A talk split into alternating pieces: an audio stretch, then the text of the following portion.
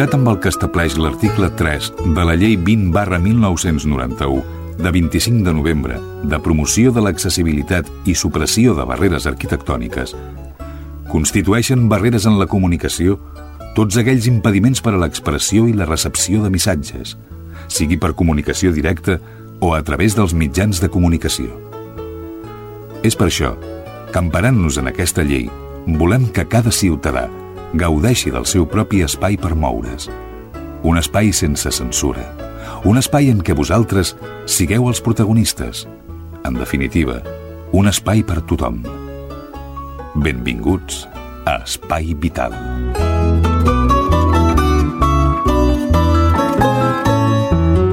Senyores, senyors, què tal, com estan? Benvinguts, ben trobats a la sintonia de, de cinc emissores municipals. Qualsevol se'n recorda. Bé, benvinguts des de mm, Barberà, Ripollet, des de Cerdanyola, Santa Perpètua i Montcada. Cinc poblacions municipals que, com sempre, coprodueixen aquest programa, l'Espai Vital.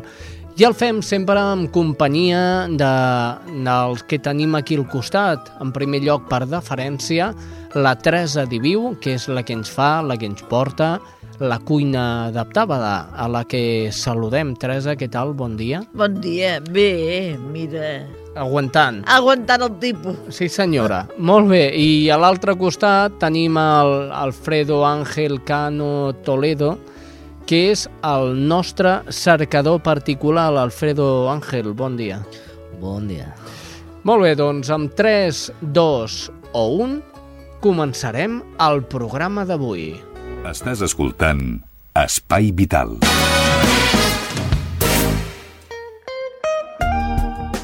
L'Associació Ossos de Vidre a Espanya, l'associació AUCE, ha demanat que l'osteogènesi imperfecta, comúment coneguda com a ossos de vidre per la fragilitat òssia d'aquells que la padeixen, es considera una malaltia crònica i així els seus afectats puguin beneficiar-se del pagament dels tractaments per part del sistema públic de salut. Vosaltres ja sabeu que cada setmana intentem parlar amb alguna de les associacions que tracta doncs en aquest cas, malalties rares, que em sembla, si no m'equivoco, que la malaltia dels ossos de vidre o l'osteogènesi imperfecta és una malaltia rara. Em sembla que no m'equivoco. Per parlar sobre aquest tema tenim a l'altre costat de la línia telefònica a Lucía Vallejo. Ella és presidenta de l'associació AUCE. Lucía, buenos días. Buenos días, Javier. Eh, Lucía es la presidenta de una asociación que, que eh, comúnmente o popularmente es conocida como Huesos de Cristal. La osteogénesis imperfecta eh, es una enfermedad, mmm, a ver, de difícil curación, de, ninguna curación, no hay tratamiento. ¿Cómo funciona? ¿Qué, es lo que pasa cuando a alguien le dicen que tiene osteogénesis imperfecta? Bueno, la osteogénesis imperfecta es, un, es una enfermedad genética y, y como, y como el nombre lo define, bueno, pues hay una mutación en unos genes, unos cromosomas, que y eso produce una serie de, de sintomatología clínica, una serie de, de afecciones, eh, como son fracturas de huesos y, y, no solo de huesos, porque al estar el colágeno, eh, todo el colágeno del cuerpo afectado, pues también todos los músculos y todo el sistema conjuntivo del organismo también está afectado. Es decir, que también los, eh, los que padecen esta, esta enfermedad, pues pueden, pueden tener problemas de corazón, eh, pueden tener hay problemas de oído, es decir, hay una serie de sintomatología clínica de aspectos que, que no tienen por qué coincidir todos, no tienen por qué darse todos a la vez, pero sí, sí la mayoría, es decir, hay una, una clara distinción, ¿no? que es que es bueno, es la fragilidad ósea, ¿no?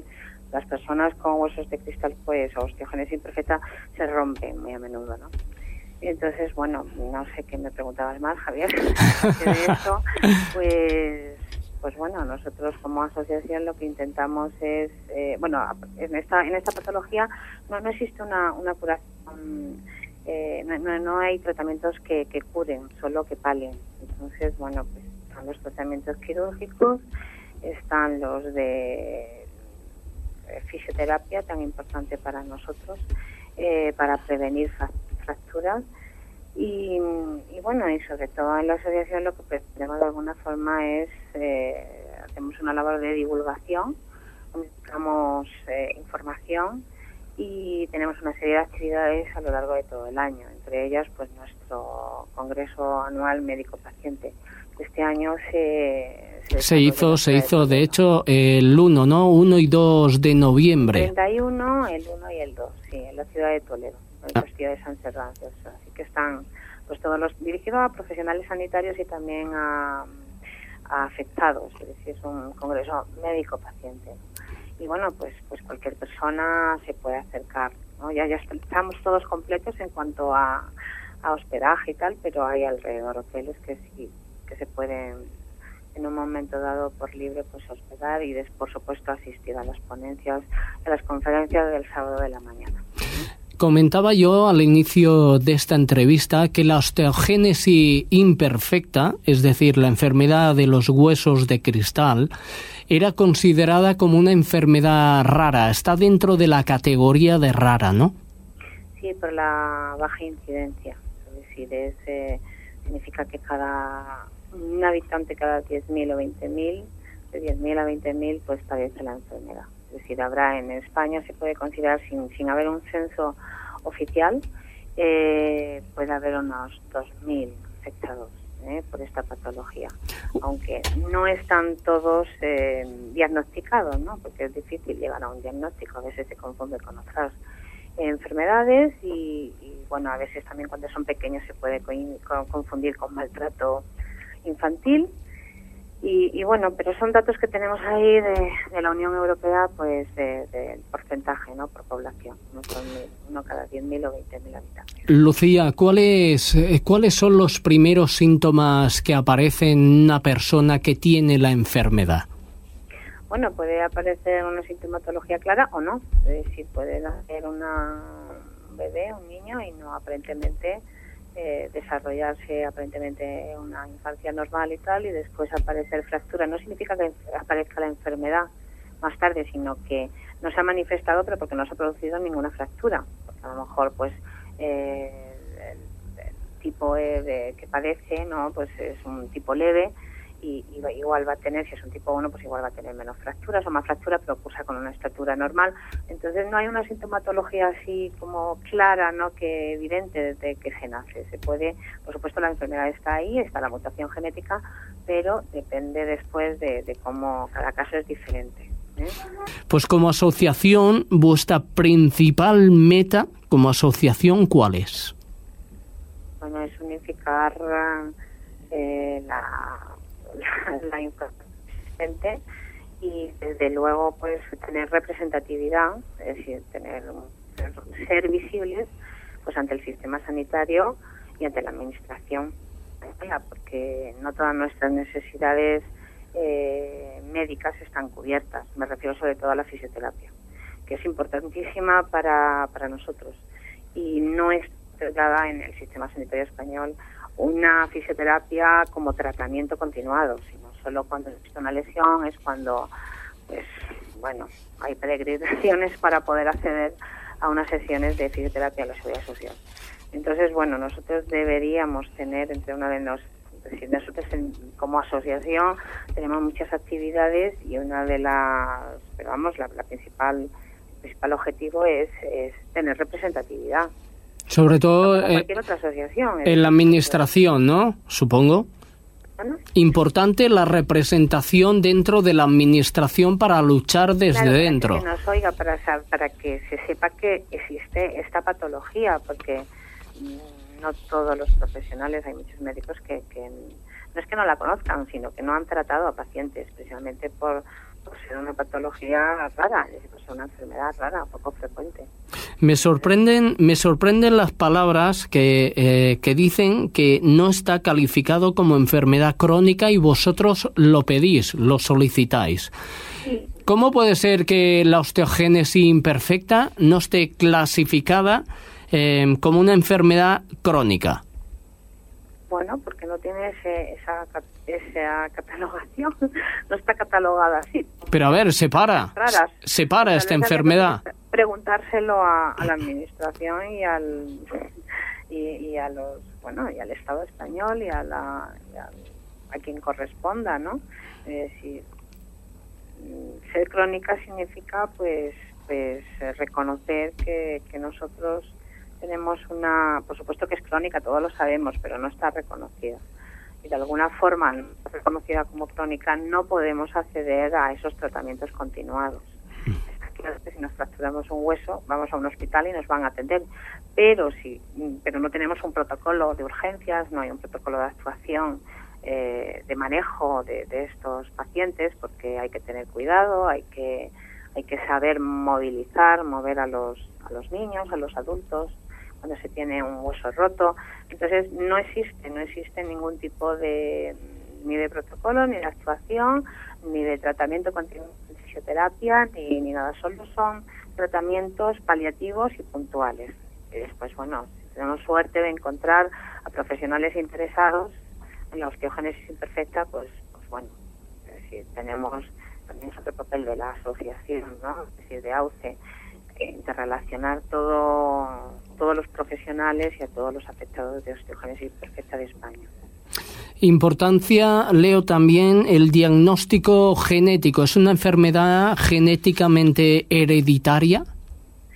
Sí, es hereditaria en un 50%, eh, el 50% cada, cada embarazo, ¿no?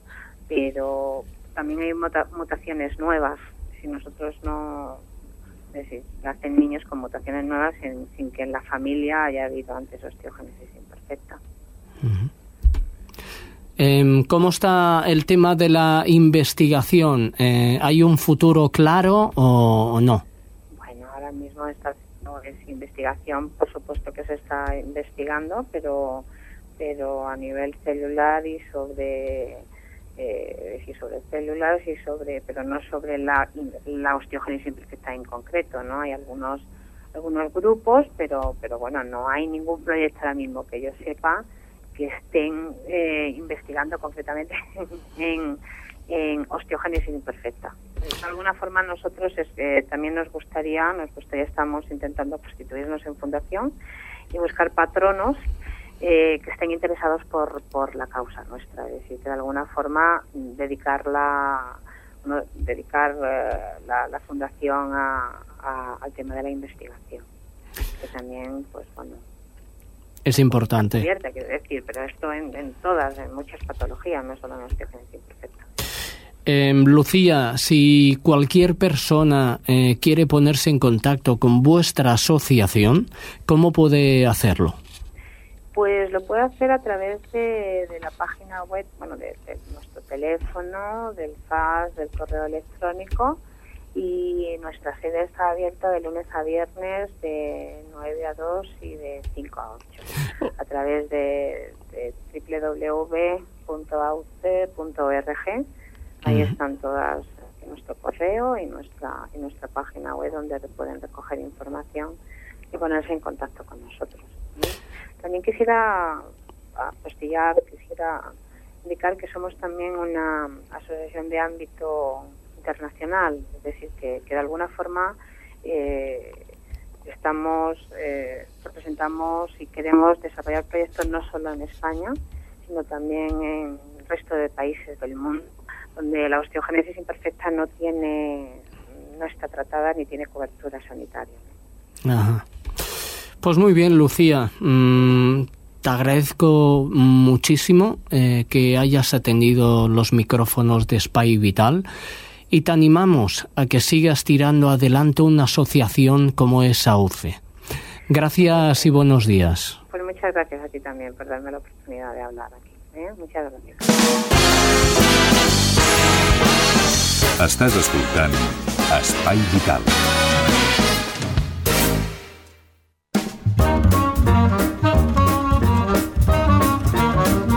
De ben segur que esteu sorpresos tots. Què fa aquesta sintonia ara? Doncs sí, és la cuina amb la Teresa Diviu, que li hem dit no pot ser que surti sempre al final i de vegades no et sentin. T'han de sentir només començar. Teresa, Hola. ho veus bé o no? Jo, pues sí. Pues sí, no és igual el començament que el final. Sí, m'és igual, La ja. qüestió és que ens porti algo Això. suculent i ens ensenyi això. com ho hem de fer, eh? Què porta, Bueno. què porta, què porta avui, la Avui Teresa? un piqui, un pica-pica per les festes. Ah, Quan tingueu pues, convidats joves Sí. o persones grans, Sí. pues, va bé per tothom un pica-pica d'aquesta manera. És un pica-pica, pues, mira, ja posem olives, allò verdes, negres, que Sí. siguin bones, mm, o el que podeu, vull dir, ja no us vull dir de quines, d'això. Després hi podeu... això, això ja ho sé fer jo, eh? Ah, bueno, Ah, compro espera't, unes ah, patates espera. xips i I compro una- quatre olives i ja fem el pica-pica. Fins i tot i jo, eh? Bueno, Fins i unes tot jo. patates xips. Sí. Posem, pues, calamars a la romana. Ah, Unes croquetes fetes de marisc, sí. que també en venen de marisc. Mm -hmm. Després, hi ha unes brutxetes Sí, que dalt de la, allò que són unes- unes fustes, sí.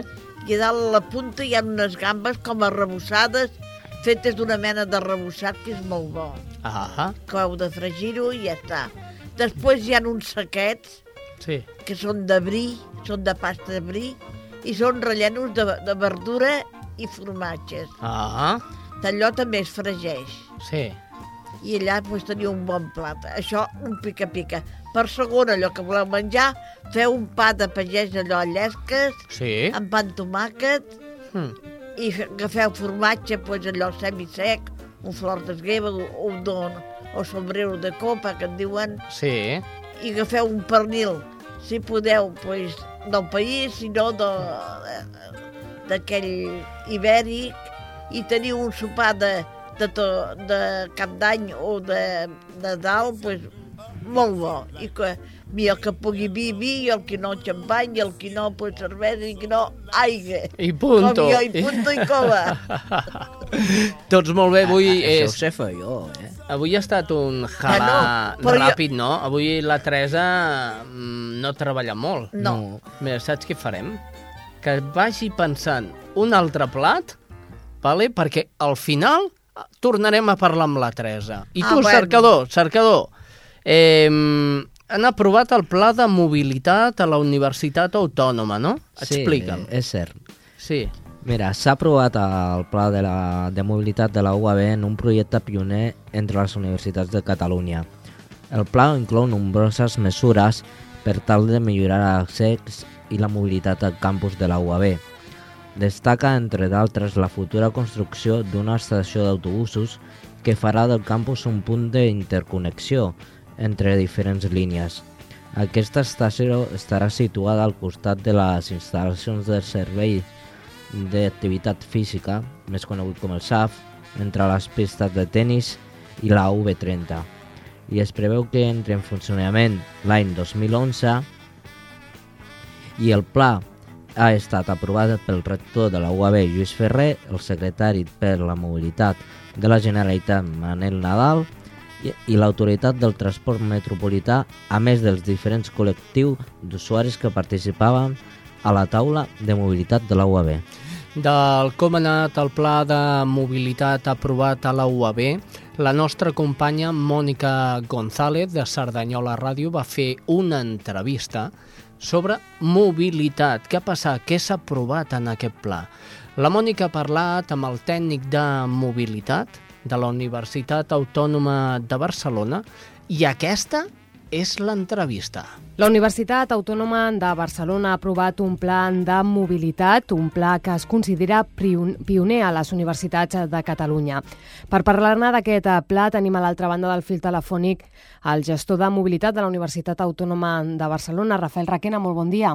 Hola, bon dia. Doncs com dèiem, doncs, la Universitat Autònoma de Barcelona doncs, ha estat pionera en l'aprovació d'aquest pla de mobilitat. Per què pionera? Bueno, pionera ja des de, des el- l'inici de tot, de tot aquest tema. La universitat eh, té una localització perifèrica, no és una universitat urbana i per tant des de ja fa temps s'ha anat preocupant a través d'estudis, enquestes, etc de quina és la seva accessibilitat i com això pot afectar a la seva competitivitat i també al model de mobilitat que genera. i per tant en aquest sentit va ser pionera ja des d'un inici creant la figura del gestor de la mobilitat, eh, que és, ja et dic, un, un gest pioner pel que fa als, als centres generadors de mobilitat, i després per aconseguir implicar les, a les administracions competents i iniciar aquest procés de, de diagnosi i de propostes que ha estat el Pla de Mobilitat, que vam aprovar ahir. Mm -hmm. Un pla de mobilitat, eh, entre moltes eh, mesures eh, podríem destacar sobretot la construcció d'una estació d'autobusos i altres mesures, però expliqui'ns una mica per què ha de servir aquest pla i quina execució tindrà. Uh, mira, el, el pla és un document que, com he dit abans, diagnostica quins problemes tenim a l'hora d'accedir al, al campus, problemes eh, de tot tipus eh? i quines conseqüències eh, té el model de mobilitat que, que s'ha generat a nivell ambiental, a nivell social, a nivell de la mateixa competitivitat de l'autònoma respecte a altres centres universitaris i un cop feta aquesta diagnosi es plantegen una sèrie de propostes, propostes d'actuació per mirar de incrementar al màxim que es pugui l'accessibilitat al campus i sempre tenint en compte eh, els criteris que marca la llei de la mobilitat, que són doncs, de la manera més sostenible possible, de la manera més segura possible i, i de forma que es, es fomenti bueno, la, la igualtat social entre habitants de la població. Eh, les, les mesures, com et deia, són eh, una sèrie de mesures en, en molts camps i, i s'actua amb totes de forma paral·lela, perquè s'entén que la mobilitat, si es vol canviar cap a un model de mobilitat, s'ha d'actuar en molts aspectes a la vegada. Per tant, aquí aquest pla de mobilitat es planteja, per una banda, doncs, fomentar els mitjans alternatius al vehicle privat, transport col·lectiu, el, el, anar a peu, la bicicleta també, eh, i, com et deia, doncs, mirar d'aconseguir un ús més racional de vehicle privat. Mm -hmm. Entre, entre altres destaquen, per exemple, aquesta que tu deies, no? que és la construcció d'una estació d'intercanvi, una ròtula o un hub, eh? com se li vulgui dir, de línies d'autobús que es crearien noves, la major part d'elles, noves línies d'autobús que vindrien al campus però que també servirien per fer intercanvi per una persona que vol anar de Sabadell a, a Sant Boi de Llobregat, per exemple, no hauria de passar per Barcelona sinó que podria fer intercanvi en aquesta ròtula. Per tant, aquesta és una de les mesures, però ja et dic, és només una d'elles. Eh, L'autònoma es planteja pues, eh, bueno, eh, parlar amb les administracions o operadors que, que tenen coses a fer aquí en el campus per mirar de millorar freqüències de trens, eh, canviar itineraris, etc. Però també es planteja fer una gran inversió pròpia interna en el que és el campus per tal de facilitar desplaçaments en bicicleta, amb eh, caminant, també, òbviament, per eh, persones amb mobilitat reduïda, gestionar l'aparcament d'una altra forma, etc. Són, ja et dic, una sèrie de, de mesures paral·leles i, i totes en la mateixa direcció. Mm. Em comentava doncs, això que, que s'havia fet una, aquesta diagnosi. Quines són ara, ara per ara, ara mateix les principals mancances diguéssim que té el, el campus de l'Autònoma pel que fa a mobilitat? Doncs bé, la principal mancança és, és, és aquesta que et deia, que és d'origen, no? que és que no estem en una ciutat, no estem integrats en una trama urbana i, per tant, eh, eh, la gent que ha de venir fins a l'autònoma ha de fer una despesa especial en quant a temps i en quant a diners per, per, per arribar-hi. Aquesta seria una d'origen. Eh, derivada d'aquesta, doncs que els, els mitjans de transport eh, tenen una capacitat i una, i una bueno, i una freqüència doncs, limitada. Eh? Tenim dues línies de tren, però una està a l'altra banda de l'autopista, no sempre acaba de funcionar del tot bé. La que funciona molt bé, que és la de ferrocarrils, doncs, està saturada. Per exemple, a Mora Punta és, és, la comoditat ja no és la que era. No? I, I això pel que fa al transport col·lectiu. Les línies d'autobús pateixen els embussos crònics, diaris, i per tant la seva fiabilitat també deixa molt que desitjar eh, hi ha territoris que no estan ben coberts, com serien el Baix Llobregat i el, i el Vallès Oriental, estan molt a prop de l'Autònoma, però de vegades és més fàcil arribar a Barcelona que no aquí al costat. El que fa el, el, els cotxes, doncs, bueno, en tenim molts, tenim molts i bueno, la gent aparca allà on pot i, en fi, això també és un, és un problema que hauríem de solucionar eh? en, en, diverses, en diverses vies. L'accés en bicicleta és molt complicat, també pel fet que et deia que no estem en una ciutat, doncs s'ha de passar per llocs que són perillosos, que són estrets, que no són còmodes. Per caminar passa exactament el mateix, que ara que estem lluny, hi ha una petita part de la població del campus que, que ve caminant d'aquí de prop, de Bellaterra, de Badia, de, de Cerdanyola, i aleshores els camins que han de fer servir no, són, no, no estan adequats i bueno, també hem de millorar molt la informació que es dona sobre el transport col·lectiu, hem de continuar instal·lant aparcabicis, eh, en fi, moltes mesures que ja et dic, van en la mateixa direcció. En definitiva, parlem eh, de 220.000 desplaçaments diaris, que no són pocs, no? No, no, ni molt menys, és són mm -hmm. una barbaritat. Vull dir, aquí contem, sí que és cert, el, els desplaçaments de la gent que ens arriba, no només de, de, dels estudiants i, i, i treballadors o professors, sinó també de gent de personal d'empreses de, externes que treballen al campus o visitants, etc. I també contem els desplaçaments interns, que són uns quants. Eh? I, bueno, és el que volem solucionar tant els desplaçaments que ens arriben des de l'exterior com els interns. Mirem de donar els mitjans perquè la gent els pugui fer de la manera més sostenible possible i més econòmica també per ells. Mm -hmm.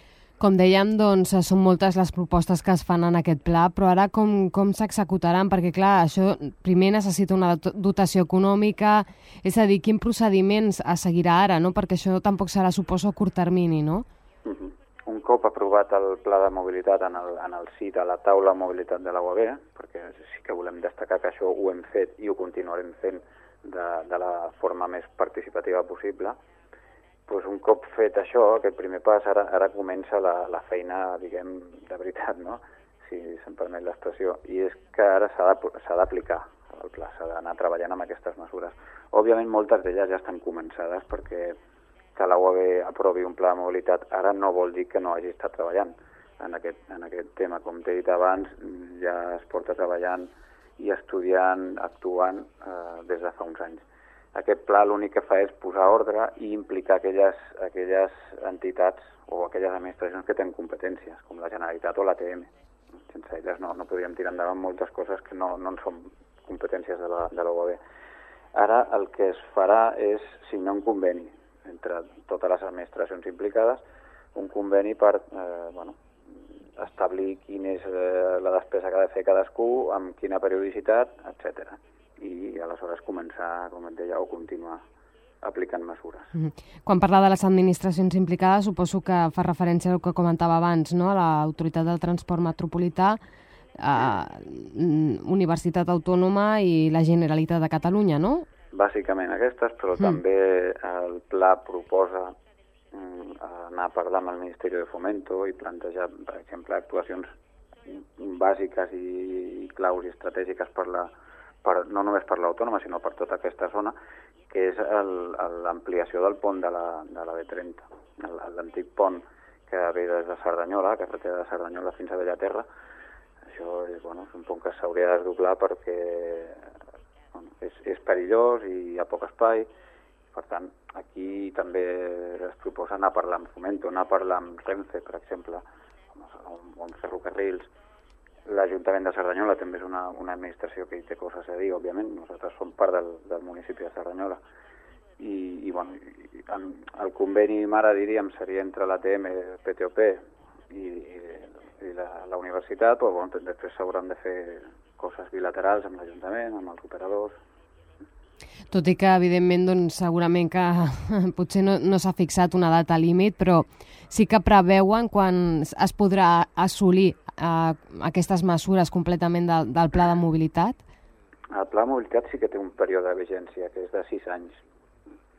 Òbviament, eh, tot, ja sabem, aquestes coses depenen de, de molts factors i, per tant, quan acabin aquests sis anys doncs es farà balanç i esperem que haurem aconseguit el màxim possible. Mm -hmm. Òbviament, quan acabin els sis anys es continuarà treballant, perquè això de la mobilitat és un tema molt canviant, molt dinàmic, per tant es continuarà, però sí, la, la, la data inicial, diríem, el, el període de vigència del pla són sis anys. M'imagino mm -hmm. que l'ideal seria aconseguir que, que els vehicles privats mm, com a mínim fossin molt menys que, que els que hi ha ara, no?, l'autònoma.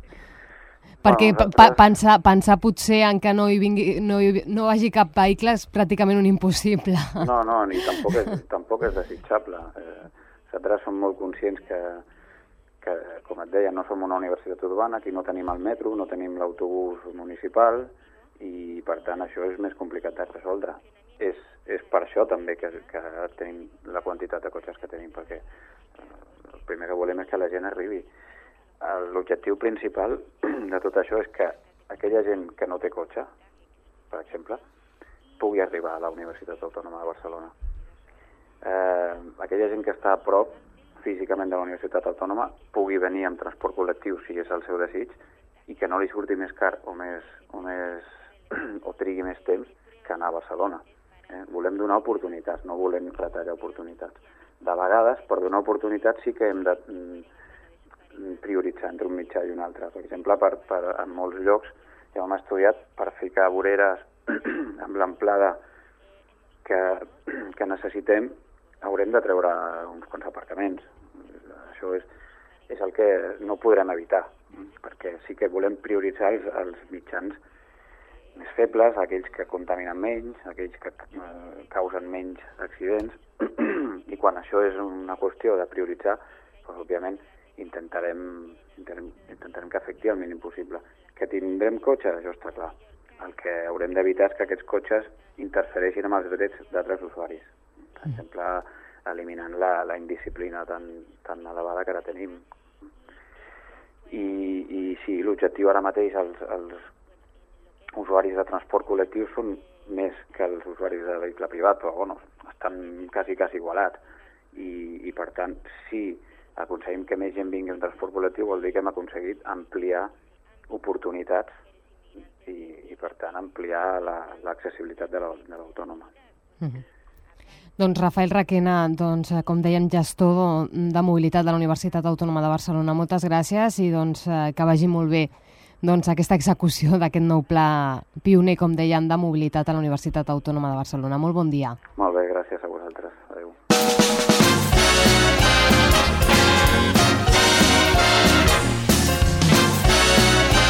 Espai Vital, el primer programa adaptat de les zones.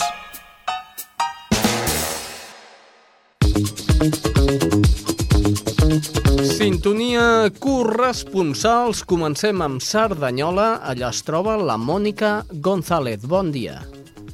Molt bon dia, Xavi. Des de Cerdanyola Ràdio s'informem de que l'Ajuntament de la ciutat i el Fons Català de Cooperació al Desenvolupament han signat un projecte de cooperació i solidaritat internacional. En virtut d'aquest conveni, el Fons Català de Cooperació al Desenvolupament es converteix en entitat col·laboradora de l'Ajuntament per valorar les sol·licituds de subvencions per a projectes de soli- solidaritat i cooperació internacional que les entitats de Cerdanyola presentin en el marc de la convocatòria de subvencions en aquest àmbit. Durant l'any 2008, l'Ajuntament de Cerdanyola destinarà 117.000 euros per donar suport a aquest tipus de projectes. A més a més, el fons també farà el seu seguiment assegurant la seva correcta justificació econòmica i donant suport general a les associacions de Cerdanyola quan aquestes ho sol·licitin. Paral·lelament, el fons gestionarà els ajuts que l'Ajuntament decideixi aportar per situacions d'emergència internacional. Per l'any 2008 estan previstos un màxim de 12.000 euros per a aquest concepte, una part important dels quals ja s'ha decidit que es destinaran a Cuba per a la reconstrucció de les infraestructures danyades pels huracans que han afectat aquesta illa en els darrers mesos. A la signatura del conveni, a més de l'alcalde de Cerdanyola, Antoni Morral, i el president del Fons Català de Cooperació, Teo Romero, van estar presents el regidor d'Educació, Gent Gran, Immigració, Solidaritat i Cooperació, Gustavo Arias, i la coordinadora del Fons Català de Cooperació, Cristina Menta. I això és tot, us ha parlat des de Cerdanyola, Ràdio Mònica González. Gràcies, Mònica. Anem cap a Ripollet. La cap d'informatius, Remei Herrera, ens fa 5 cèntims. Bona tarda, Xavi. Des de Ripollet us informem aquesta setmana que la regidora de Serveis Socials, Maria Lledó, va presentar el passat dimecres 12 de novembre el nou vehicle de transport adaptat que donarà servei a una trentena de persones de Ripollet a través de la concessió del contracte d'atenció domiciliària realitzat a l'empresa Sargesa Hogar. El vehicle, amb una capacitat per a dues cadires de rodes i cinc seients, a banda del xofer i l'acompanyant, traslladarà als usuaris del centre de dia de Can Vargas i d'Espassur. Sergesa Hogar ha estat l'adjudicatària per un període de 4 anys del contracte per a la gestió del servei d'atenció a domicili que s'ha ampliat amb serveis auxiliar de la llar, podologia i menjar a domicili més el transport adaptat. Fins ara el transport dels usuaris del centre de dia s'havia realitzat de forma independent a través d'un servei de taxi adaptat que, tal i com va explicar la regidora, ha funcionat perfectament durant els darrers dos anys. Amb aquest nou vehicle s'ha aconseguit augmentar la seva capacitat, comptar amb tota la tecnologia necessària per al transport adaptat i que hi hagi un acompanyant. Sergi Saugar forma part del grup empresarial que construirà i gestionarà la residència de la gent gran que es construirà als Pinatons. A més, hem de dir que, a banda de la regidora de Serveis Socials, Maria Lledó, l'acte de presentació també va comptar amb la presència de l'alcalde, Juan Parralejo, els regidors de Serveis Municipals, Antoni Francolí, de Comunicació i Participació Ciutadana, Alberto Castro, de Medi Ambient, Gemma Edo, i també de la cap de Serveis Socials i responsables de Sergesa Hogar. I això és tot des de Ripollet Ràdio. Molt bona tarda. Bona tarda i gràcies, Rem Herrera. Anem corrent, corrent cap a Barberà. A Ràdio Barberà es troba la Núria Cabrera. Hola Xavi i hola a tothom. Des de Ràdio Barberà avui us expliquem que la nostra ciutat se celebrarà el proper dia 19 una conferència sobre com aplicar la fisioteràpia en persones amb malalties neurològiques. Aquesta xerrada organitzada des de l'Associació en Defensa de la Medicina Natural anirà a càrrec de la fisioterapeuta Bettina Paez de la, clínica, de la Clínica Neurològica de Fisioteràpia. I és que la fisioteràpia pot ser de gran ajuda per la correcció o fins i tot l'augeriment de problemes motors dels pacients, ja que un dels camps de la fisioteràpia doncs, té un paper molt important és la neurologia.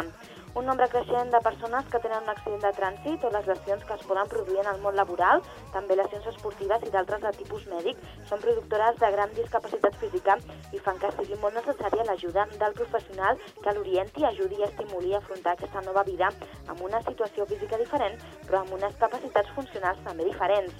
Així, des d'aquí us, us convidem a que us apropeu fins a Barberà del Vallès amb motiu d'aquesta conferència sobre fisioteràpia en persones amb malalties neurològiques organitzada per l'Associació en Defensa de la Medicina Natural, una entitat barbarenca molt jove però amb l'objectiu de donar a conèixer la medicina natural com una alternativa per una millor qualitat de vida. Aquesta sessió, que a més compta amb la col·laboració de l'Ajuntament de Barberà del Vallès, es farà el proper dia 19 a partir de les 6 de la tarda a l'Auditori Maria Feliu de la nostra ciutat. Ja esteu convidats i des de Barberà és tot. Molt bé, gràcies Núria Cabrera. De Barberà anem cap a Montcada. Allà, si no m'equivoco, hi ha la Núria Sánchez. Escoltem. Què tal? Salutacions des de Montcada i Reixac. Avui ens ocupem de la llei de la dependència.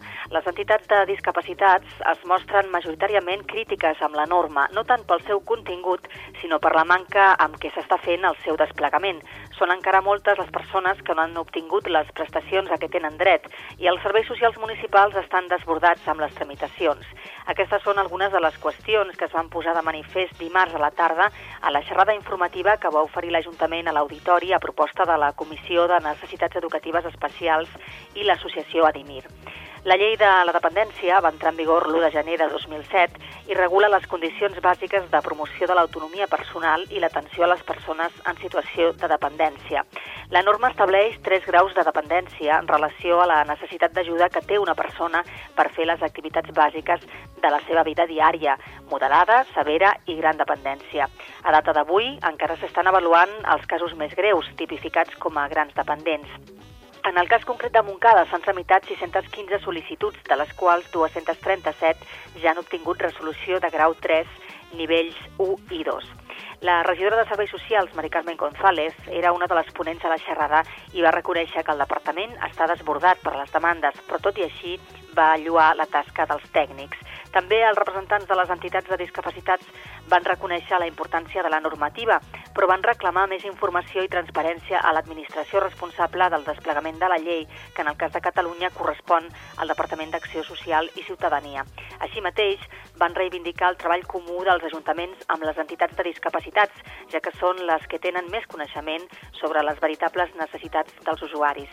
En aquest sentit, la representant d'Adimir, Carolina Ibáñez, va oferir a serveis socials la col·laboració econòmica de l'entitat per fer un curs de formació de cuidadors. Doncs bé, això és tot per avui. Fins la setmana vinent. Adéu-siau. Molt bé, moltíssimes gràcies. Montcada Ràdio, Montcada Comunicació. Pere, abans d'acabar, ja saps el plat, Teresa? Pues sí. Sí? Farem, per, sempre es feia per Nadal, Sí. un tall en suc. Ahà. Que allò que s'hi posava pedrers i colls, però ara tot això la jovent ja no en menja. Què farem? Doncs pues unes ales en suc, Ales de, ales en rovellons, de pollastre. de pollastre. De pollastre, ales de pollastre amb rovellons. Mm, ja m'està entrant la gana. Anem ràpidament pel final de la roda informativa i com sempre ho fem amb l'estrella Núñez, Santa Perpètua. Hola, Xavi. Hola, amics i amigues de l'Espai Vital. Permeteu-nos avui des de Santa Perpètua traspassar fronteres, però ja veureu que el tema s'ho val perquè és un tema de millora sanitària a la que ha contribuït el nostre municipi. L'Hospital de la localitat bosniana de Tejan disposa ja d'un endoscopi digital que permet la detecció precoç de malalties pulmonars. L'Ajuntament de Santa Perpètua i l'ONG Associació d'Ajuda Solidària, ADAS, han col·laborat en aquest projecte. En la visita que va fer l'alcalde de Santa Perpètua a Bòsnia, ara farà un any, Manuel Ruiz es va comprometre a continuar col·laborant amb el Servei de Pediatria de l'Hospital de Teixen i a subvencionar l'adquisició de material mèdic per al centre sanitari. És dins d'aquesta premissa que l'Ajuntament ha col·laborat en la major part del finançament d'aquest aparell de tecnologia avançada del qual es podran beneficiar uns 400.000 habitants. El president de l'Associació d'Ajuda Solidària ADA, Josep Maria Matute, ha comprovat com aquest instrument ja funciona a l'Hospital de Tejan. Matute va estar fa un mes a la ciutat bosniana en un viatge solidari. L'equip directiu del centre sanitari li va demanar que donés les gràcies a l'Ajuntament per aquesta nova contribució solidària. El president d'ADAS ha explicat que l'Hospital de Teixen és l'únic de la zona que disposa ara d'aquest endoscopi digital gràcies també a la bona predisposició de l'empresa subministradora que l'ha instal·lat abans del previst. A Bòsnia encara hi ha molts casos de tuberculosi que poden derivar en càncer de pulmó. Per això, diu el president d'ADAS, és tan important aquest nou instrument que permet detectar precoçment malalties i imposar al malalt el tractament adequat. L'Ajuntament de Santa Perpètua i l'entitat local ADAS han contribuït en el projecte de dotar d'un endoscopi digital a l'Hospital de Tejan, a Bòsnia. Aquest instrument pot beneficiar la salut de 400.000 habitants. Ja veieu que hem traspassat fronteres per millorar-ne la salut. Això és tot des de Santa Perpètua. Fins la setmana vinent. Adéu, Xavi. Estàs escoltant Espai Vital.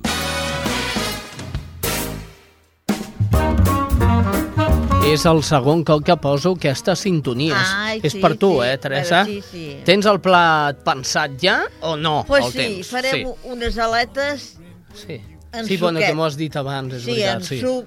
I rovellons. i rovellons. Veus com jo estic Mira, atent? necessitareu pues, una dotzena d'aletes de pollastre, Mhm.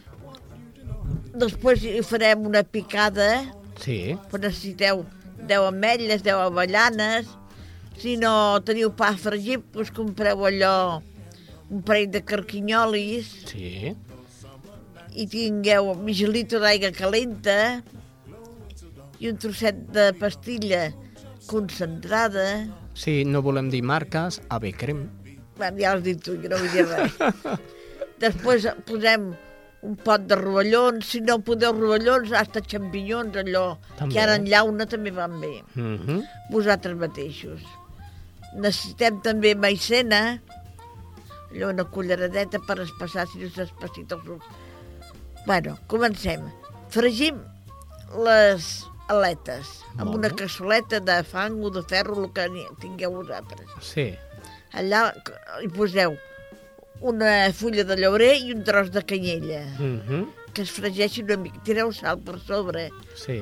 que es fregeixin una miqueta. Ratlleu, o si no podeu ratllar ceba, compreu una d'aquella congelada, pues, 100 grams o 150 grams de ceba ratllada Molt bé. i la tireu allà, que es fregeixi, que es vagi fregint. Com la tirem allò una miqueta fregideta, agafem un tomàquet també ratlladet i també ja podem tirar allà dintre que es vagi fregint tot. Com, Es, es... es, està clar, està clar. Fem un sofregit. com un... So... Bueno, ja, veus, és que jo ja estic aprenent. Sí, ja però- ceba i tomàquet, Ceba i sofregit. Sí, allà tot d'això. Molt bé. Com veiem que ja quasi bé està fet, i podem agafar l'aigua calenta que s'escalfava, posem-la en un pot. Allà hi posem allò un gra d'all, Mhm. una mica de sal, sí. ametlles, allò 10 ametlles, 10 avellanes i dos carquinyolis. Molt bé. I passem el mini pímel que es trinxi bé. I ho posem, i posem els rovellons abans a dintre la cassola, sense suc, saps? El rovelló i traiem el suc. Molt bé, I els porc. posem a la, ca- a la cassola. Sí, I en quan hi tirem d'allà aquell mimiri-pímir que hem trinxat tot, aquell, tot aquell, aquell suc, aquell aigua allà dintre. molt bé. Que faci el xup-xup. I tireu la miqueta de pastelleta de becrenc que dius tu. Sí, Si veiem que el suquet queda molt claret, desfeu una miqueta de maicena amb aigua freda sí. i la teu allà dintre, que s'us espessi una miqueta. I ja teniu un tall en suc pues, d'aletes i Boni- rovellons. Boníssim, boníssim, pre-Nadal, abans Per d'arribar al Nadal. Ah, això mateix. L'altre dia farem pues, el rostit de brunes De, de Nadal? de Nadal. Farem el menjar de Nadal, Teresa? O alguna altra cosa. No, però fem, fem ja que arriba l'època, Claro. anem, anem fent perquè... Sí, no, perquè tinguin temps de comprar les senyores Sí, senyora, i amb temps. i en temps. La setmana vinent amb la Teresa el rostit de Nadal, però ara, i després d'haver saborit tan gustosament aquestes aletes de pollastre rostides amb suc, veig que el nostre cercador es grata la panxa dient quina gana tinc i quines notícies tinc, com per exemple una que vindria al cas. L'obesitat, senyors, l'obesitat pot arribar a duplicar el risc de mortalitat. Mm, no d'aletes de pollastre. Molt bé, xiquitín. L'obesitat pot arribar a duplicar el risc de mortalitat segons es desprèn d'un estudi que es publicarà demà al teu New England Journal of Medicine i que ha comptat amb la col·laboració i participació d'investigadors de l'Institut Català d'Oncologia ICO i amb, els, amb seu a l'Hospitalet. Els investigadors han subratllat la importància d'introduir en la pràctica mèdica habitual la mesura del pes i del perímetre de la cintura. Què has dit, pes o peix? Peix. Pes, pes, pes. Peix, peix. Pes, pes. Pes. Mo- mo- Molt bé, doncs cercador, moltes gràcies.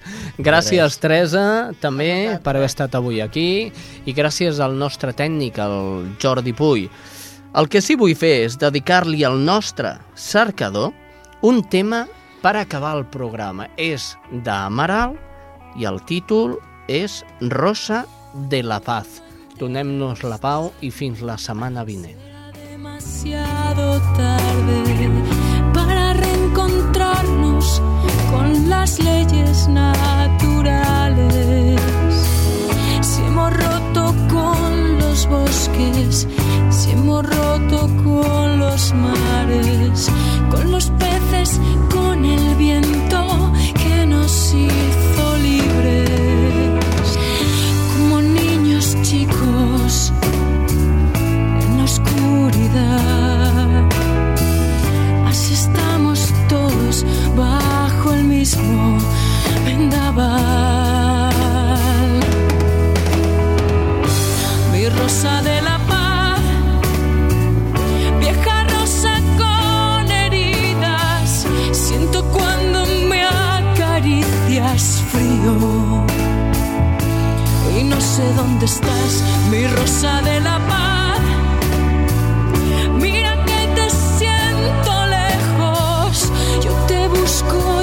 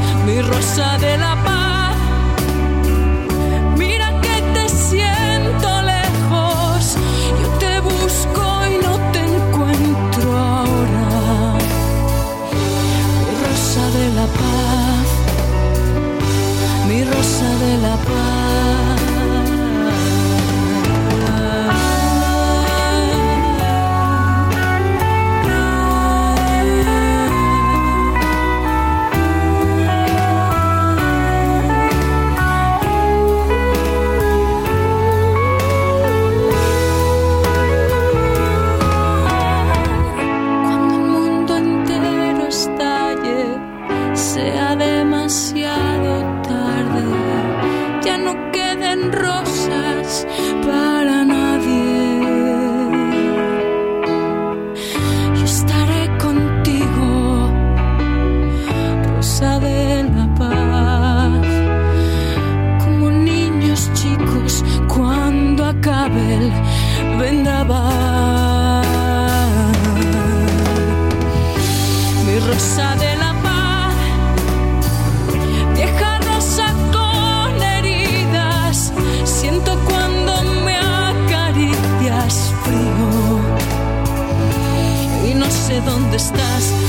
mi rosa de la